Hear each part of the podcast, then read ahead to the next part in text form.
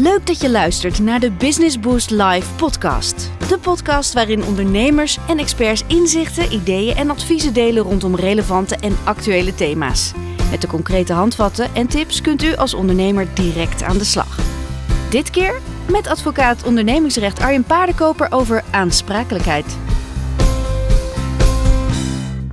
Vandaag neemt hij ons mee in de juridische aansprakelijkheid rondom uh, de anderhalve meter voor ondernemers. En hij vertelt over een bijzondere recente uitspraak van de kantonrechter in een zaak tussen een huurder en verhuurder, die mogelijk perspectief biedt. Arjen, welkom en wat ontzettend fijn dat je er vanavond ook weer uh, bij bent. We hebben het eerder gehad hè, over uh, overmacht. COVID-19 is juridisch gezien geen overmacht. Maar nu heeft de kantonrechter in Amsterdam onlangs een uitspraak gedaan. Uh, tussen een huurder en verhuurder is er gesteld dat de overheidsmaatregelen als gevolg van COVID-19 toch een onvoorziene omstandigheid zijn. En dat heeft wel geleid tot een spraakmakende uitspraak. Vertel het eens even. Ja, Sofie, dankjewel. het lijkt wel of je zelf rechten hebt gestudeerd. Met zo'n inleiding is het gras meteen voor mijn voeten weggewaaid. Maar ik zal het proberen te vertalen in iets juridischer. Um, uh, de kantonrechters zijn wel de cowboys onder de rechters in Nederland. Dus hou er rekening mee dat hier zeker hoog beroep aangetekend wordt. Maar in casu was een zaak in de Warmoedstraat. Uh, uh, horecazaak gesloten op last van de overheid. De huurder heeft de verhuurder medegedeeld dat hij vanaf het moment dat de zaak gesloten is 25% minder huur ging betalen. En 25% van de huurbetalingen opschorten tot het moment waarop de overheidsmaatregelen uh, uh, zouden worden opgeheven. En hij minimaal op 70% van zijn omzet zou zitten van voor de uitbraak van COVID. Nou, dat is een eenzijdige wijziging van de huurovereenkomst. Dat kan natuurlijk niet. Uh, de verhuurder is hierop naar de rechter gestapt. En de rechter gaf de huurder eigenlijk gelijk. De huurder heeft zich verweerd, heeft in, als tegeneis ingesteld een tijdelijke verlaging van de huur. En er is de, de rechter mee akkoord gegaan. Dat, heeft dus, dat is een ongelooflijk succes voor de huurder. En dat heeft grote gevolgen voor in ieder geval de relaties tussen huurders en verhuurders van uh, bedrijven getroffen door uh, corona. Ja, want uh, we, wij hoorden in ons allereerste gesprek van jou dat corona geen overmacht is, maar dus de gevolgen van het virus of de overheidsmaatregelen als gevolg van het virus dus wel. Ja, corona zelf, hè, de overmacht, dus bij de volksmond uh, denkt iedereen dat, dat, dat, je dan niet hoeft te presteren, maar dat, daar kan je mee verweren tegen een schadevergoeding. Maar iets anders is als je een contractuele relatie hebt met iemand en je, je wil er eigenlijk uit. Er komt een onvoorziene omstandigheid. Je hoeft niet echt rekening te houden met de uitbraak van een pandemie. En dan wil je uh, de afspraken wijzigen, maar daar it takes two to tango in contractenland. En als de andere niet mee wil dansen, dan kom je bij de kantonrechter terecht. In dit geval bij de kantonrechter in Amsterdam. Uh, en die heeft iets besloten eh, waar ik het eigenlijk wel mee eens ben. Ik vind, uh, overigens is de nieuwe trend, Sofie, dat in de horeca zie je nu dat de huurcontracten afgesloten worden met een minimumbedrag en een omzetgerelateerde omzet. Dus dat is wat wel het gevolg is van deze uitspraak en deze tijd. Ja, ja, ja precies. Um, uh, dus uh, jij staat aan de kant van de cowboys, want dat zijn kantonrechters, hebben we nu geleerd. Um, dit ging over een horecaondernemer, maar ik kan me ook voorstellen dat het voor winkeliers geldt of voor andere ondernemers die aantoonbaar uh, omzetverlies hebben door de overheidsmaatregelen.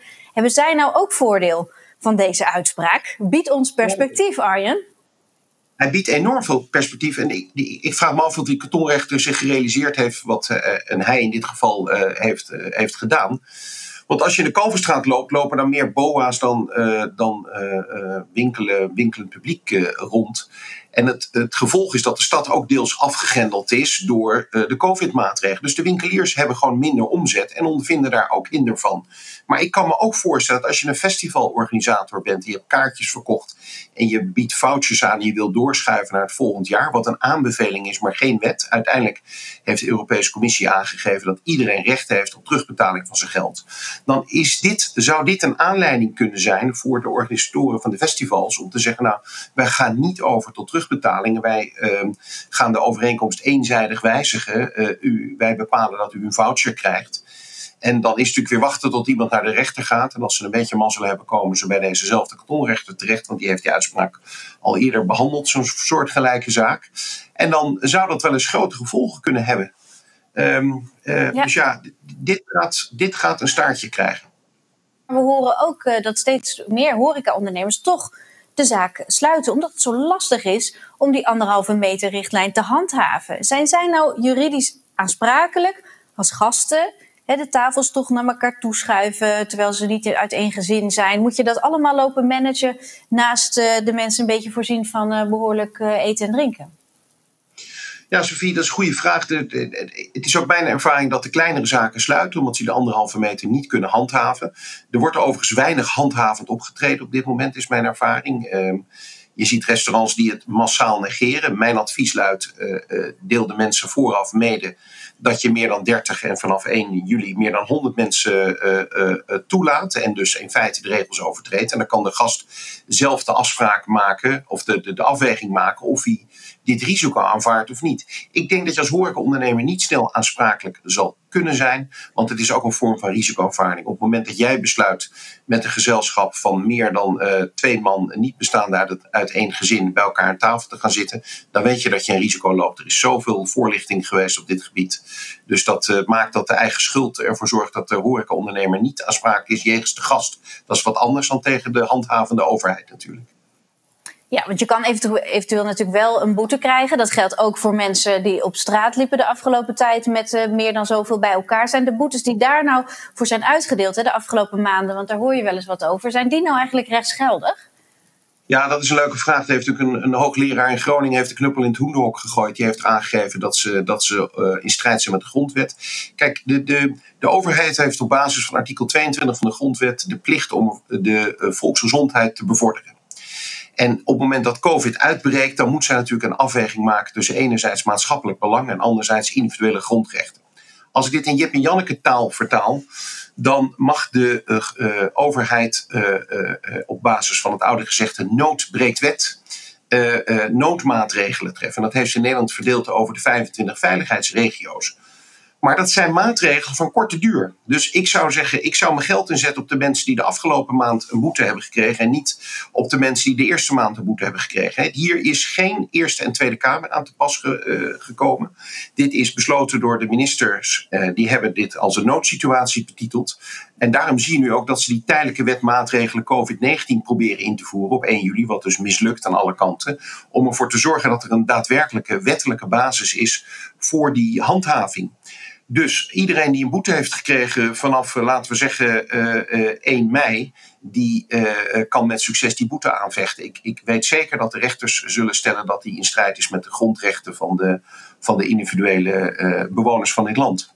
Ja. Maar je ziet ook dat er niet handhaafd wordt opgetreden. Hè?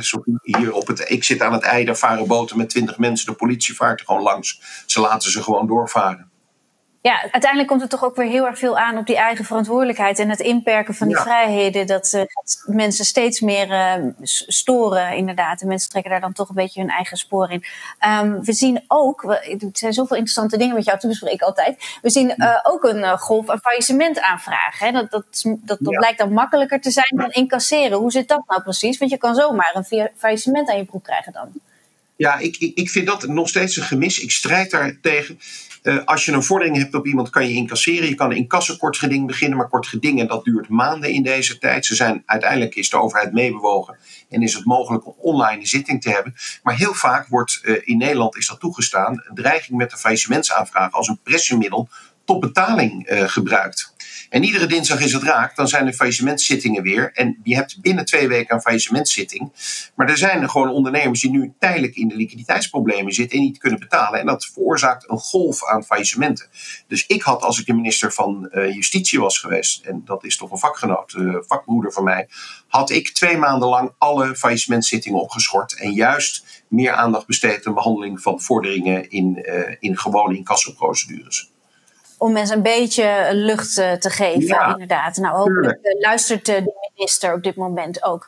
Weet het niet zeker. En nog één praktische vraag. Wat nou als mijn medewerkers in het buitenland op vakantie gaan? Hè? Dat, dat, mag nu weer. Maar stel dat er dan weer een lockdown wordt ingevoerd en ze niet meer terugkomen. Ja. Moet ik dan als ondernemer hun loon doorbetalen? Als ze nu op vakantie gaan naar een land wat een code groen heeft, wel. Gaan ze nu op vakantie naar een land wat code oranje of rood heeft, niet. Oké, nou dat is heel goed. Lijkt me heel fijn eh, om je eh, te blijven spreken. Dankjewel, Arjen Paardenkoper. Ja. Dank voor het luisteren naar de Business Boost Live podcast. Bent u benieuwd naar de verhalen van andere ondernemers en experts? Elke week delen wij nieuwe podcasts of neem een kijkje in onze bibliotheek op www.businessboostlive.nl. Tot volgende keer.